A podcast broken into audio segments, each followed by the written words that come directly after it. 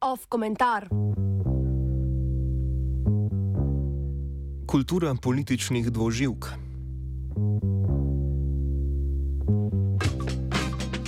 Dokler je na tretjem programu televizije Slovenije še obstajala oddaja Satirično oko, smo se lahko v zgoščeni obliki smejali in zgražali nad izvajanjem poslancev, ki je pogosto dajalo vtis, da ne sodi v institucijo, pogosto imenovano kot hram demokracije. Če pustimo ob strani, kaj in kako govorijo poslanci, njihove pravice ter dožnosti določa zakon o poslancih. Kot smo v oddajah aktualno-politične redakcije Radia Student že poročali, se je v državnem svetu pojavila pobuda, da se omenjeni zakon spremeni. Predlagatelj zakonodajne inicijative, ki zaradi bližajočih se parlamentarnih volitev verjetno ne bo dočakal na državno-zborske obravnave, je svetnik Marjan Maučec, predstavnik lokalnih interesov v državnem svetu.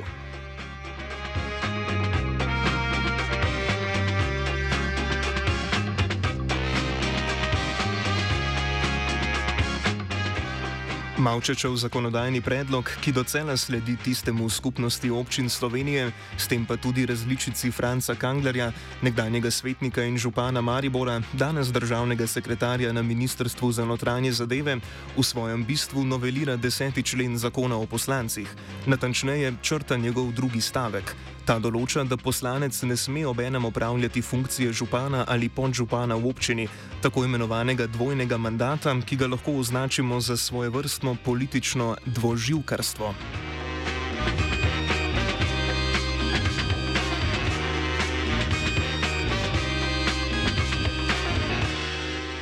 Nezdružljivost poslanske in županske oziroma podžupanske funkcije se je v pravnem redu znašla leta 2011 v času vlade Boruta Pahorja.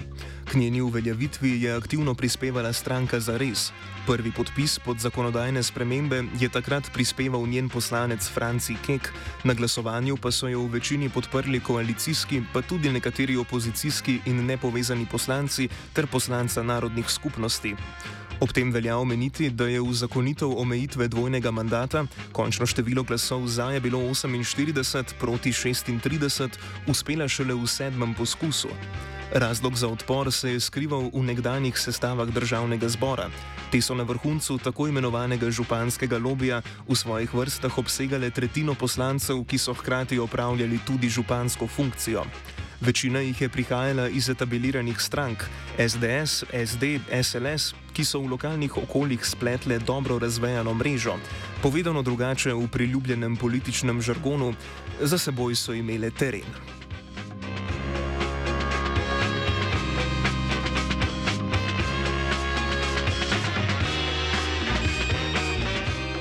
Argumente, s katerimi je Keng kot predlagatelj utemeljeval prepoved združljivosti poslanskega in županskega mandata, se v grobem lahko zvede na dva imenovalca. Prvi je pravni. Po ustavi se oblast deli na zakonodajno, izvršilno in sodno.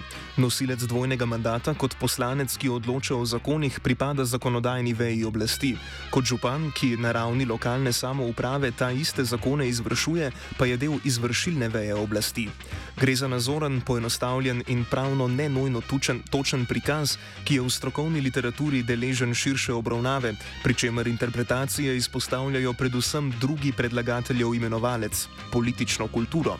Vprašanje dvojnega ali celo trojnega funkcionarstva je vprašanje integritete in sposobnosti osmišljanja ter mišljenja političnega delovanja, če ali ko to trči ob konflikt, v pričujočem primeru zlasti v tistega interesnega. Poslanec, ki je sočasno tudi župan, je podvržen situacijam, ko lahko odločitve, ki jih sprejme v državnem zboru, neposredno vplivajo na občino, ki jo vodi.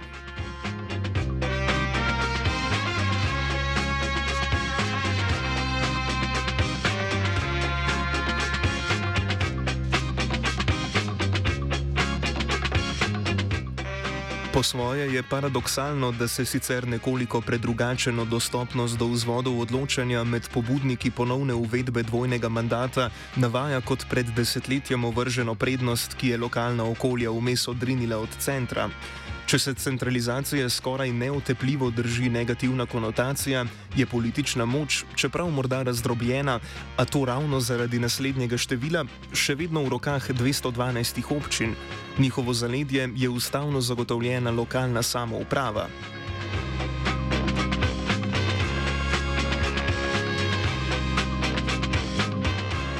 Drži, da glas vseh ni enako slišan, zastopan, končno tudi upoštevan.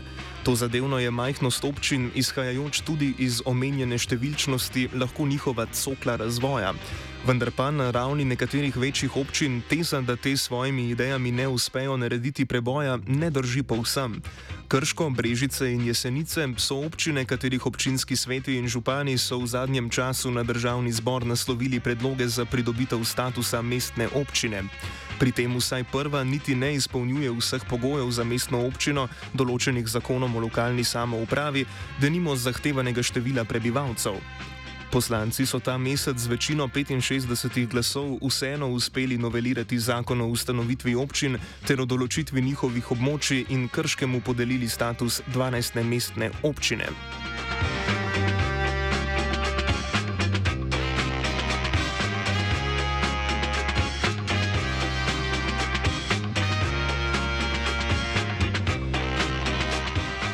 Usporedno s krepitvijo, kar pridobitev statusa mestne občine vsekakor je, potekajo tudi procesi, ki poskušajo mestne občine ošibiti. Prejšnji teden so poslanci zavrnili predlog o razpisu posvetovalnega referenduma o ustanovitvi občine Golnik, ki bi nastala z odcepitvijo od mestne občine Kran, vendar pobudniki napovedujejo nadaljna prizadevanja. Usporedno je v teku tudi pobuda za ustanovitev nove občine Lesce Begunje, ki bi se odcepila od občine Radovlica. Slovenski občinski zemljevid bi se tako lahko še razdrobil.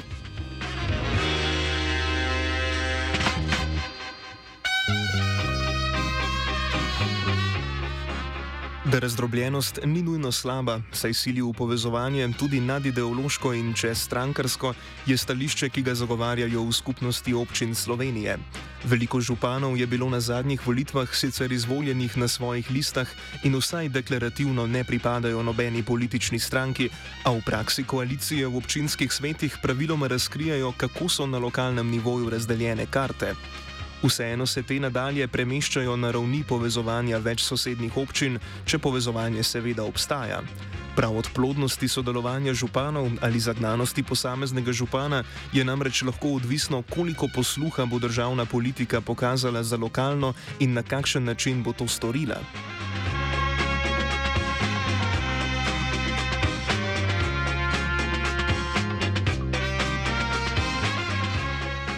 Primer uspešnega zastopanja lokalnih interesov, od katerega sta imeli korist oži regiji, Gorenska in Goriška, so bila dolgoletna prizadevanja nekdanjega župana Bohinja, kasneje poslanca stranke Alenke Bratušek, pokojnega Franca Kramarja. Bohinjsko občino je vodil v dveh obdobjih, med letoma 1994 in 1998 ter 2002 in 2018, ko mu je županski mandat prenehal ravno z nastopitvijo poslanskega v tem sklicu državnega zbora. Kramarjev nesporno največji poslanski dosežek je sprejem novele zakona o Triglavskem narodnem parku, krajše TNP. Ta osmim občinam, ki so del edinega slovenskega narodnega parka, Bovcu, Bohinju, Kranski gori, Gorjam, Tolminu, Kobaridu, Bledu in Jesenicam, zagotavlja približno 4 milijone evrov letno. O razdelitvi sredstev se vsako leto odločajo župani omenjenih občin, namenjena pa so investicijam v Triglavski narodni park.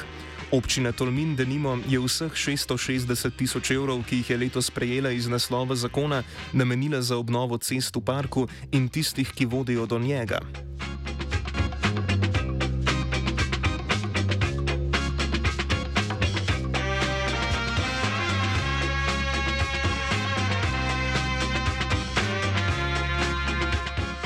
Ne glede na to, kako vrednotimo trenutno veljavni zakon o Triglavskem narodnem parku, ki je okorno sistemsko raven upravljanja nadomestil z bolj ohlapnim kompromisnim podsistemom, opisani način zakonodaje urejanja služi kot zgled političnega zastopstva. Takšnega, ki dokazuje, da je spremembe v lokalnem okolju mogoče doseči na državni ravni brez združevanja županske in poslanske funkcije.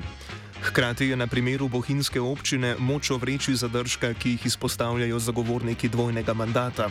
Prvi je ta, da parlament na račun županov, ki se ne odločijo za poslansko kandidaturo, izgublja na kvaliteti. Drugi, da se z izvolitvijo tistih županov, ki se vendar le odločijo kandidirati za poslanca, ruši kontinuiteta na občinskem nivoju. Za Bohin nič od naštetega ne velja. Kramer se je v državno politiko z gibanjem za Slovenijo poskušal podati že leta 2011, torej malo zatem, ko je v veljavo prvič stopila nezdružljivost funkcij. Z nič cele tri odstotka prejetih glasov je bil sicer neuspešen, a komu je naposled uspelo, je vodenje občine prevzel dotedajni podžupan Jože Sodja, ki je bil v drugem krogu lokalnih volitev leta 2018 ponovno izvoljen. Danes vodena politika v Bohinju je odraz tako Kramerjevega dolgoletnega vodenja kot sodjevega nadaljevanja.